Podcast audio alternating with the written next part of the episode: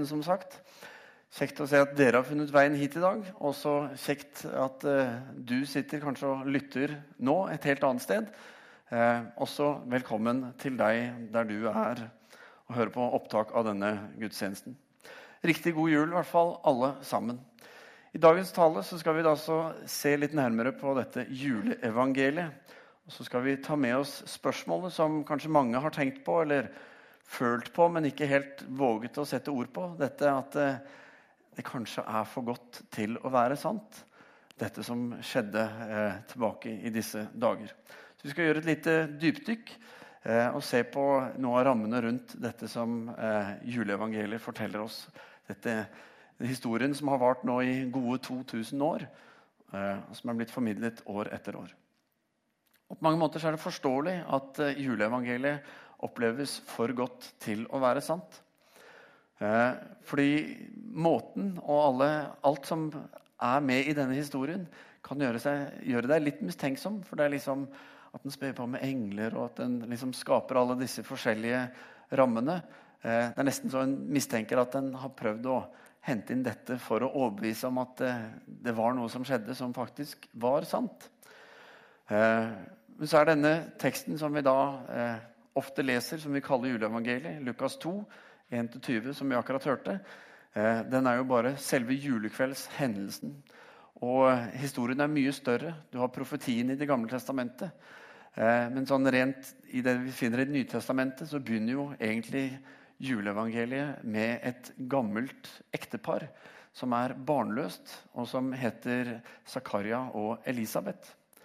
Og det som skjer, er at eh, Zakaria han er i tempelet, så kommer det en engel til han og forteller han og sier, 'Frykt ikke. Din bønn er blitt hørt.' 'Din kone Elisabeth skal føde deg en sønn, og du skal gi ham navnet Johannes.' For Zakaria og for Elisabeth så var dette for godt til å være sant. Eh, sikkert både det at det kom en engel og pratet til Zakaria, men det at de skulle bli barn. Eller ikke bli barn, men få barn. For på den tiden så var det sånn at barnløshet det var forbundet med ufruktbarhet. Eh, at Fikk man ikke barn, så var man liksom utenfor Guds nåde. Da var det eh, noe galt som gjorde at eh, man til og med kunne føle seg forbannet. Altså helt forlatt av Gud. Og jeg tror Zakaria og Elisabeth hadde nok stilt seg selv spørsmålet mange ganger hvorfor har ikke vi fått barn. Så Zakaria som måtte jobbet i tempelet og alt og tjente Gud, og alt dette her, hvorfor har ikke det skjedd? Og Biologisk sett så kunne de ikke få barn. Og nå eh, skjønner jeg at jeg har gjort en liten tabbe. at Han vet ikke når han skal trykke bildet bak der. Men eh, så bare vent, skal jeg si fra neste bilde. Eh, biologisk sett så kunne de ikke få barn. De var jo for gamle til dette. Men eh, allikevel så fikk de det. Så det som var for godt til å være sant, det viste seg å være sant. Eh, og barnet som de fikk, var ikke bare et hvilket som helst barn, men det var et barn som, fikk, som skulle kalles Johannes, og som ble også kjent som døperen, døperen Johannes. Og Det som er spesielt med dette barnet, er at dette barnet skulle da være med å forberede og annonsere eh, dette andre barnet, altså Jesus, og hans gjerning, hans liv og tjeneste. Og eh, at nettopp de som hadde levd hele livet og kjent på denne eh, at det er noe galt med oss, noe som vi ikke får til, at vi er litt utenfor, eh, at Gud ikke ser helt i nåde til oss, det eh, vitner noe om hva Jesus eh, kom for å gjøre. At nettopp det var en sterk side ved hans tjeneste. At han møtte de som følte seg utenfor, de som kjente at de ikke var gode nok, at Gud ikke, nok ikke så i nåde til de. Men så får de være en viktig del og en brikke i dette som handler om hva Jesus skulle gjøre midt iblant oss. De opplevde å bli sett. Og Så kommer da historien hvor eh, engelen kommer til Maria. Og Maria, som dere ser bilde av her, hun eh, var jo bare en tenåringsjente. Eh, omtrent som avbildet her, sikkert, da dette skjedde. Det kommer en engel til henne og forteller henne at Gud har sett i nåde til henne. Altså Hun har funnet nåde hos Gud, og at hun skal bli med barn og at dette barnet skal være Guds sønn. Og Nå var nok Maria så ung at hun tenkte oi, blitt, altså, Som tenåring så går du ikke rundt og tenker hva har jeg gjort liksom, for å finne nåde hos Gud. Eh, Det er jo sånn en tenker på etter hvert som livet går litt. Og så Maria liksom i helt andre enden av der Zakaria og Elisabeth var, som hadde levd et langt liv og opplevd å ikke få. Ikke Hun har ikke begynt å tenke på dette. Men også der kommer til henne så kommer Gud og måtte, innlemmer henne i denne historien som har med, eva, med hva Jesus skulle gjøre. Og Jesus hadde jo det ved seg i sitt liv at han eh, møtte mennesker som eh, kanskje ikke var forberedt på at eh, oi, plutselig så skulle de stå i kontakt med en levende Gud. Plutselig så skulle han komme inn og forandre verden, og deres, eh, verden deres. Til og med de som har gjort gale ting, som eh, var lovløse. Bare ta røveren på korset. Når Jesus henger på korset, som på en måte ikke har noen forventning om at han har gjort noe kanskje helt i motsatt enden. Også han får nåde hos Gud. Og igjen så ser vi at Det som skjer i starten i dette med juleevangeliet, det er med på å gi oss et bilde av hva som Jesus eh, skulle gjøre gjennom sitt liv og sin tjeneste. Og Når en ser det i det perspektivet, så blir det liksom ennå litt for godt til å være sant. Fordi det er ikke så mange som har det ved seg. At det, det som skjer ved fødselen, blir et speilbilde på det som skal skje i livet. Og kanskje Det som er mest rørende ved juleevangeliet, det er jo at det er faktisk gjeterne ute på marken som eh, englene kommer til. Som er de som skal få lov til å være de første som kommer til stallen til dette barnet og får lov til å være de første vitnene til dette store som Gud gjør midt iblant oss mennesker. Og Grunnen til at eh, det er spesielt med gjeterne, er jo at var det noen som var utenfor, så var det jo de. Ikke bare eh, rent si, religiøst, men også sosialt. Fordi lovene den gangen tilsa at eh, hvis du rørte ved noe som var dødt, så ble du uren og forble uren en periode, en ukes tid. Før du kunne på en måte omgås eh, andre rene, før du kunne komme i tempelet osv. Og fordi de var gjetere og jobbet med dyr og eh, stadig hadde med døde dyr å gjøre, så ble de en gruppe som ble måte definert utenfor Eh, på mange måter. Og Deres jobb ble heller å fostre opp dyr som var friske, som de rene kunne bruke til sine ofringer, så de kunne leve nær til Gud. Så de var eh, på mange måter satt utenfor. Så vi ser igjen at eh, i denne 'for god til å være sann' historien, så er det de som er utenfor, som tas inn, som får lov til å være med som eh, nøkkelspillere, hovedroller, nesten, i denne, dette evangeliet. Hva Gud ønsker å gjøre midt iblant oss. Eh, så juleevangeliet blir på en måte en slags trailer, en forfilm, til det evangeliet som Jesus kom for å gi oss. Som handler om at Gud ser oss, om at Gud kommer til oss med sin nåde og sin kjærlighet. Eh, vi ser det eh, som et bilde på dette å være utenfor. Så har du de eh, samaritanerne som var en folkegruppe som jødene ikke eh, anerkjente, som på en måte var veldig utenfor i deres eh, liv og hverdag. Og så ser vi at Jesus i Johannes 4 han kommer til da, eh, en samaritansk kvinne. Så det er to grunner til at noen reagerte på at han pratet eller satt i den samtalen. Det var at hun var kvinne, og at hun var samaritansk. Men han sitter der, og så deler han da sannheten om hvem Gud er, om Guds kjærlighet og nåde til henne. Og så forvandler det hennes liv. Så kjenner vi også lignelsen om den barmhjertige samaritan, hvor eh, Jesus skal fortelle om noen som altså, rett og slett er barmhjertig mot sin neste. Og så velger han da en som er samaritaner, som er utenfor. Og så setter han han høyere enn de religiøse lederne. Og Det sier noe om nettopp hvordan Gud kommer, og hva han har med oss. Og så er det noe av rammene rundt selve historien. Men selve juleevangeliet står jo i en større, langt større historisk sammenheng også som vi også får noen glimt av. Fordi 240 mil unna Betlehem, unna denne stallen og krybben, så eh, har du et keiserpalass, og du har en keiser Augustus i Rom som eh, er omtalt. Og Kanskje husker du han fra historietimene. Eh, han så omtrent sånn ut, ja. Han eh, er kjent som den første keiseren av Romerriket. Han eh, var en god, dyktig keiser som regjerte i, i ca. 40 år.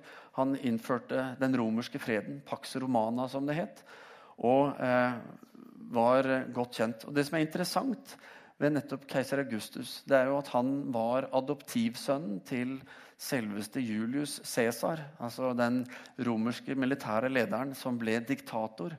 og som måte eh, fikk gudestatus av eh, det romerske folket. Han var regnet av mange som en gud. Og så er det da keiser Augustus, som da var av mange ansett å være sønnen til en gud, som eh, er med her. Så vi ser at i denne historien så dukker det opp en Guds sønn i Rom, som på en måte er keiser og stor overalt, samtidig som du ser en Guds sønn som blir født i en stall, i en krybbe, i de fattigste kår langt der borte.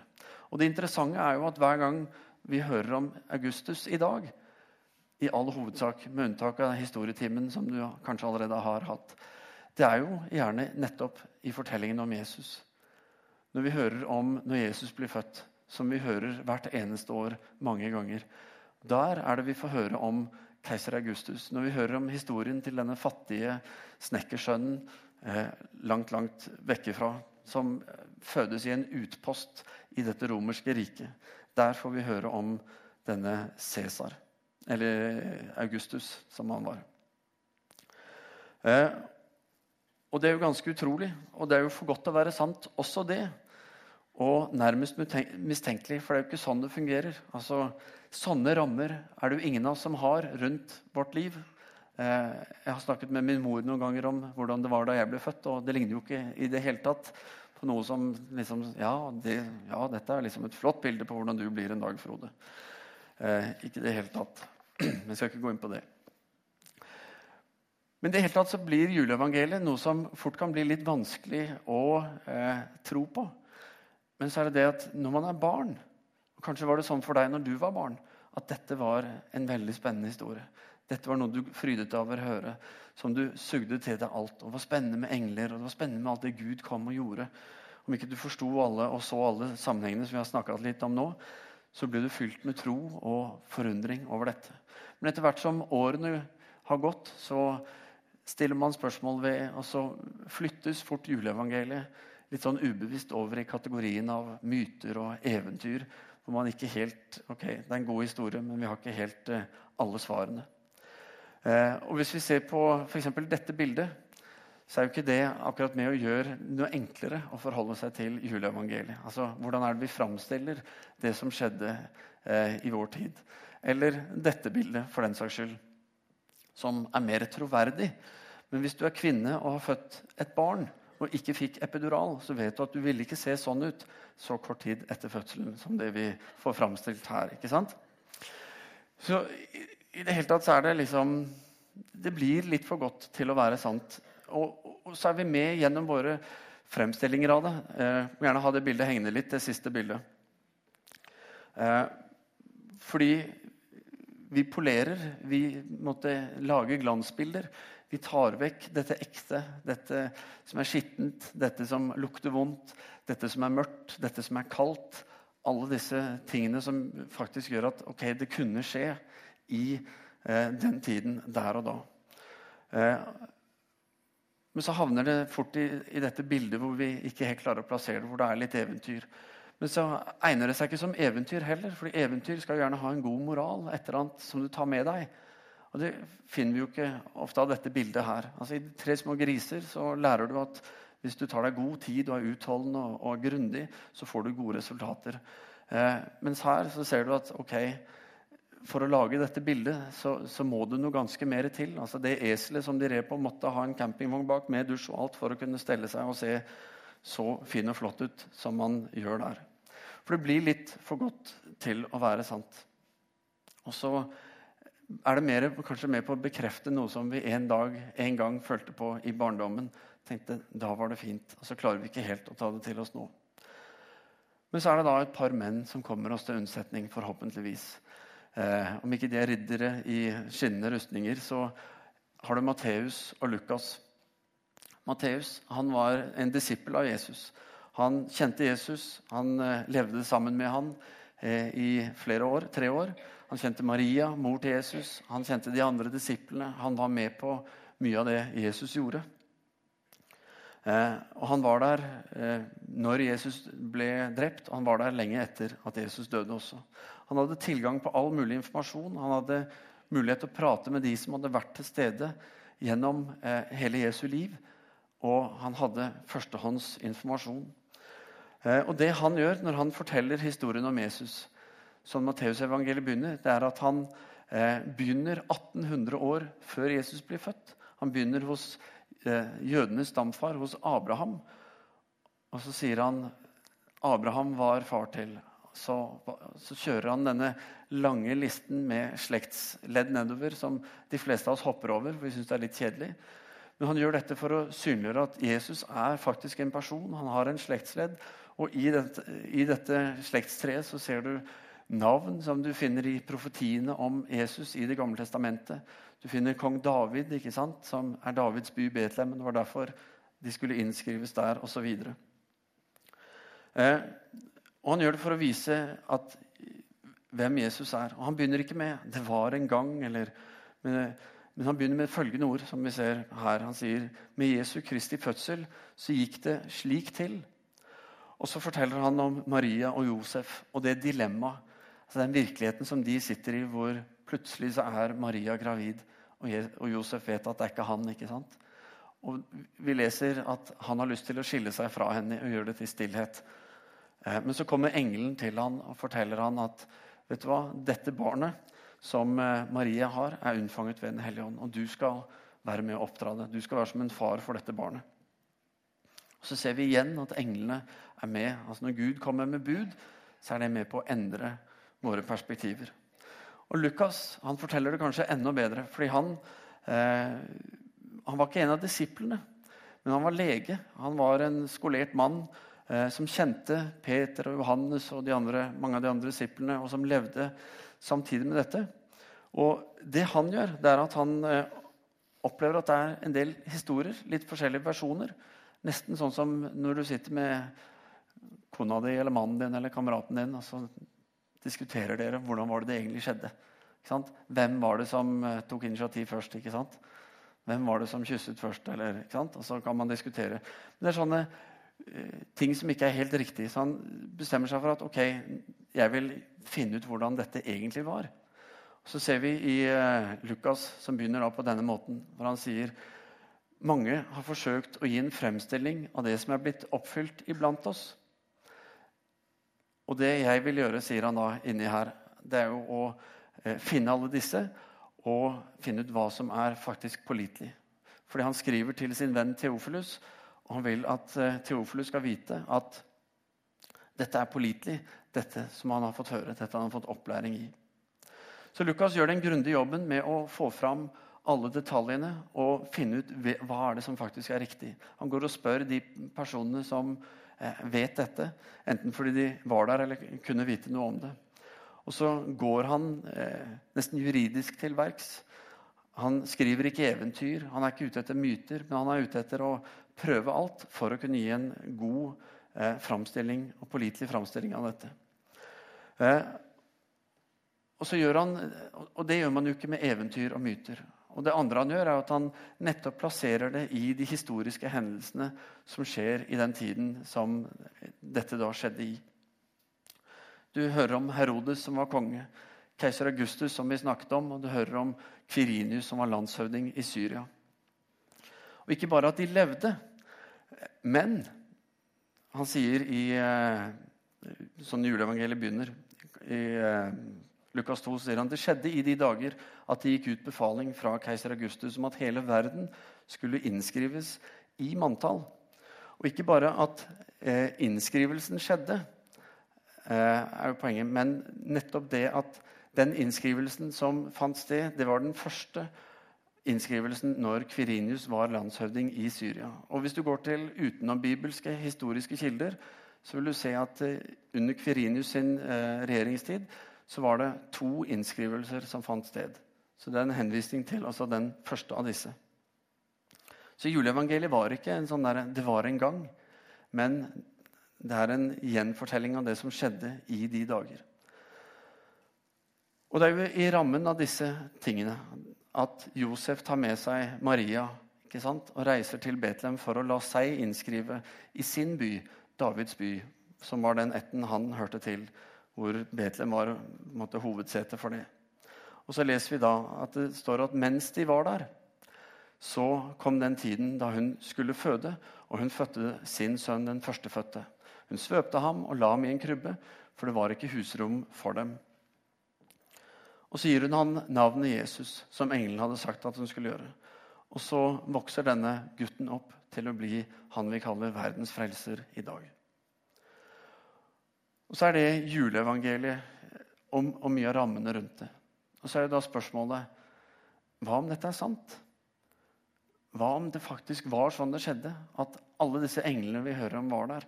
At alle disse trådene som vi kan se som Altså hvordan Gud møter mennesker utenfor allerede før Jesus blir født, for å synliggjøre hvem Jesus skulle være. Hva om dette er sant, at det er pålitelig, at dette er noe vi kan stole fullt og helt på? Og at Gud ville gjennom dette fortelle sannheten eh, om hvem han er. Og at han faktisk har steget inn i vår historie. At han er blitt en del av våre liv. Ikke bare fordi noen forteller om han, men at han selv fødes inn i vår verden, i vårt liv. Og så blir alle disse tingene sånn elementer som er med til å si at ja, det er ikke rart at de nesten føler at det er for godt til å være sant. For det er en helt utrolig historie. Men hvis det da er sant at dette har skjedd, så er jo dette det viktigste budskapet som noensinne er blitt formidlet til mennesker. Nettopp fordi det er et budskap til hele folket. Det er et budskap til absolutt alle.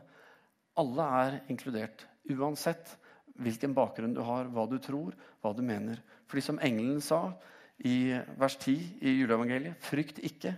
Se, jeg forkynner dere en glede. En glede for ja, hele folket. Til de som føler seg utenfor, som Elisabeth og Zakaria gjorde. Til de som ikke har tenkt så mye over det, som Maria. Til eh, på marken som var, ute på markene som var sikre på at de virkelig ikke hørte hjemme. Englene og Gud formidler det motsatte. Gud ser, Gud hører, eh, og han kommer til alle. Alle er elsket, ingen er forbannet. Gud kommer inn i vår hverdag, i våre liv. Og Gud han valgte mennesker som deg og meg. Helt ordinære, vanlige mennesker som går og kjenner på at livet det kan være tungt, det kan være vanskelig og utfordrende. Og så eh, får, vi, får men, disse menneskene være en del av denne historien. Som er en, ikke en perfekt historie, men som blir perfekt fordi Gud er med i den. Fordi Gud leder mennesker og bruker mennesker som deg og meg. Kommer inn til en Zakaria og Elisabeth, til Maria, Josef osv. Mennesker som akkurat som deg og meg spurte seg selv om hvorfor får jeg ikke dette til? Hvorfor er ting så vanskelig? Hvorfor eh, er jeg ikke flinkere? Hvorfor gjør jeg ikke osv. Alle disse spørsmålene som vi har, hvor vi har lett for å diskvalifisere oss selv. Og Kommer det en engel til, og så tenker vi nei, du har nok kommet feil. Du skulle gått til naboen. ikke sant? Det er han som er god. Jeg er ikke så god. Men det er ikke pga. noe vi har gjort, men det er pga. hva han har gjort. Det er pga. at vi er skapt i hans bilde. Vi er hans skaperverk. Vi er gjenstand for Guds uendelige kjærlighet. Og Kanskje tror du ikke. Kanskje har du på en måte bare bestemt at dette tror jeg ikke på. Det finnes ingen Gud. og Religiøse mennesker de skjønner jeg meg ikke på. Eh, egentlig oppleves de som litt sånn lettlurte idioter. Poenget er allikevel det samme. Hvem enn du er, hva enn du har gjort. Det forandrer ikke eh, Guds kjærlighet til deg. At Gud har kommet inn i ditt liv, inn i din verden, inn i din hverdag. Eh, og at han gjør dette på tross av hvem vi er. At han velger å gå i døden for oss. At han velger å ta på seg vår straff. Og at han gjør det for at vi skal få tilgivelse, at vi skal få leve sammen med han. På tross av at han vet alt. Han vet hva jeg sier, han vet hva jeg tenker, han vet hva jeg gjør. Han ser meg. Ingenting er skjult for Gud. Og på tross av det så velger han i sin kjærlighet å eh, gå i døden for oss. Og vise, Han gjør alt han kan for å vise oss sin nåde. Så det handler heller ikke om at Gud gir oss en ny sjanse fordi vi trenger det fordi vi bomma på første forsøk, eller at vi får en revidert liste denne gangen som vi skal prøve å oppfylle. For eh, det Gud gjør gjennom denne juleevangeliefortellingen, det er at han eh, gir oss ikke det vi eh, tenker at vi kunne trenge. Men han gir det som alle trenger, uansett hvem vi er, hvor vi er. Vi trenger en frelser, og det er det han gir oss. For vi er alle mennesker som gjør feil. Eh, vi trenger ikke bare en ny sjanse, men vi trenger en som kan redde oss fordi vi klarer, er ikke i stand til å redde oss selv. Vi er eh, syndere som trenger en frelser. En frelser som eh, redder oss fra det vi selv ikke kan redde oss fra. Og det blir som bilde om du er måte, forlist midt ute på det åpne hav. Du er alene, og du har bare deg selv til å holde deg oppe. Og du vet at dette varer bare så og så lenge. Og du har bare ett håp, og det er at det er noen, en eller annen, som kommer og redder deg. Som gir deg den hånden og reiser deg opp av dette vannet. Og det er jo det vi trenger. Det er der vi er på mange måter i forhold til Gud. Vi er fortapt. Vi er i behov av en som redder oss ut. Og han gjør det ufortjent, ikke fordi vi var så flinke at vi ropte høyt, eller fordi det svømmekurset vi tok i fjor, gjorde at vi holdt oss flytende lenge nok til at han kunne redde oss. Men han gjør det av sin kjærlighet. Og derfor er det så utrolig viktig og så utrolig bra det engelen sier i vers 11, når han sier i dag er det født dere en frelser i Davids by. Han er Messias, han er Herren. Og Kanskje innvinner du mot det at du skal være en synder. Liker ikke det. Tanken på at du er en synder. Eh, men akkurat som meg så sliter du med å og, oss alle, hele folket, vi sliter med å eh, måtte følge Guds bud. Vi klarer ikke det. Og vi klarer heller ikke alltid å følge de lovene som vi har satt. Eh, sivile, gode på å si, eh, lover og sånn som vi har her i Norge. Vi klarer ikke alltid å holde de heller. Og ikke bare det, men vi klarer ikke å holde våre egne lover. Altså, Vi faller kort i forhold til den standarden vi selv setter for vårt eget liv. Og det igjen er med å vise oss at uansett så er vi litt sånn håpløst overlatt eh, til oss selv når vi står alene. Og vi kan ikke hevde vår egen rett og 'jeg er god nok' og alt dette her. Ja da, vi er snille, vi er greie, vi er omtenksomme og vi bryr oss om hverandre. Men selv den beste iblant oss har sine daglige utfordringer. Og siden vi ikke engang klarer å holde våre egne regler, så er det jo ikke så rart at vi kan falle litt kort i møte med en evig allmektig skaper og Gud. Og Derfor så blir denne gaven som vi får i julen, at Gud blir menneske, at Gud kommer til oss med sin nåde og sin kjærlighet, det største og beste og viktigste vi kan få. Og den, dette juleevangeliet som vi har, det er for godt til å være sant. Nettopp fordi det er sant.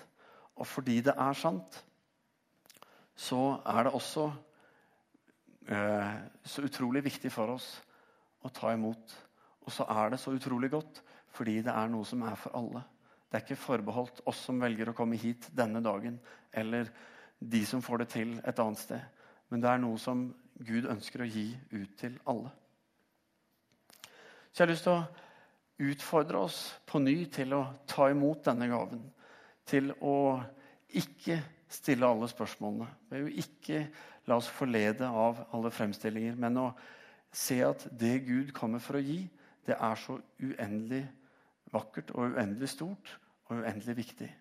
Og Hvis vi kan våge å ta eierskap til det og leve det fullt ut, og se at ok, det handler ikke om hva jeg har gjort, men det handler om hva han har gjort.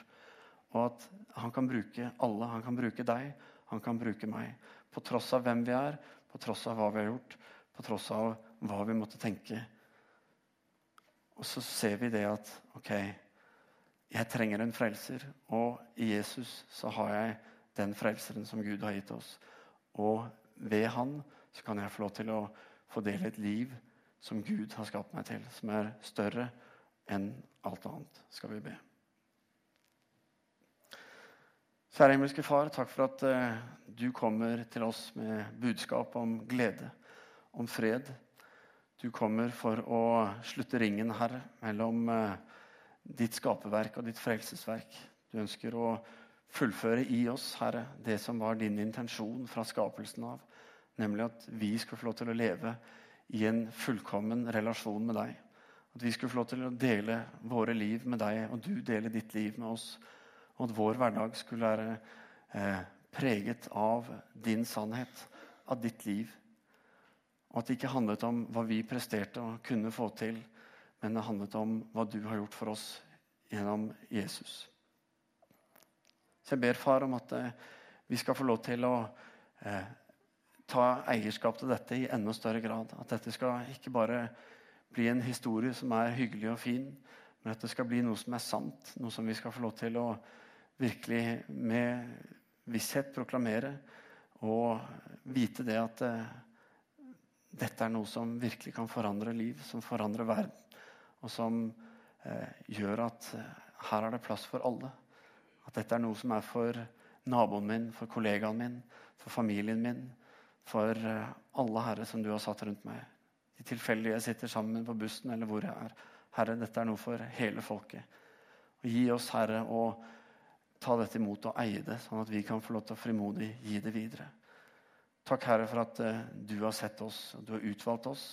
Og at når vi sier ja til deg, Herre, når, selv når vi står i møte med noe som kan virke for godt å være sant, akkurat som det var for Zakaria, som det var for Maria, eh, som det var for gjeterne Men når vi velger å handle på det, når vi velger å si ja og, og finne ut av det du deler oss, Herre, så det er da vi får se nettopp ditt rike utfolde seg foran våre øyne. Så Herre, fyll oss med tro, fyll oss med mot til å ta imot og til å gå der hvor du, Herre, leder oss. Vi takker og priser deg, Herre, for at du har kommet til oss. Og at du har gitt oss dette fantastiske som er for godt til å være sant når vi tenker i menneskelig forstand. Men når du, Herre, er den som er arkitekten, du er den som gir, du er den som gjør det fullkomment og gjennomfører det. Herre, da blir det stort. Vi takker deg, og vi priser deg i Jesu navn. Amen.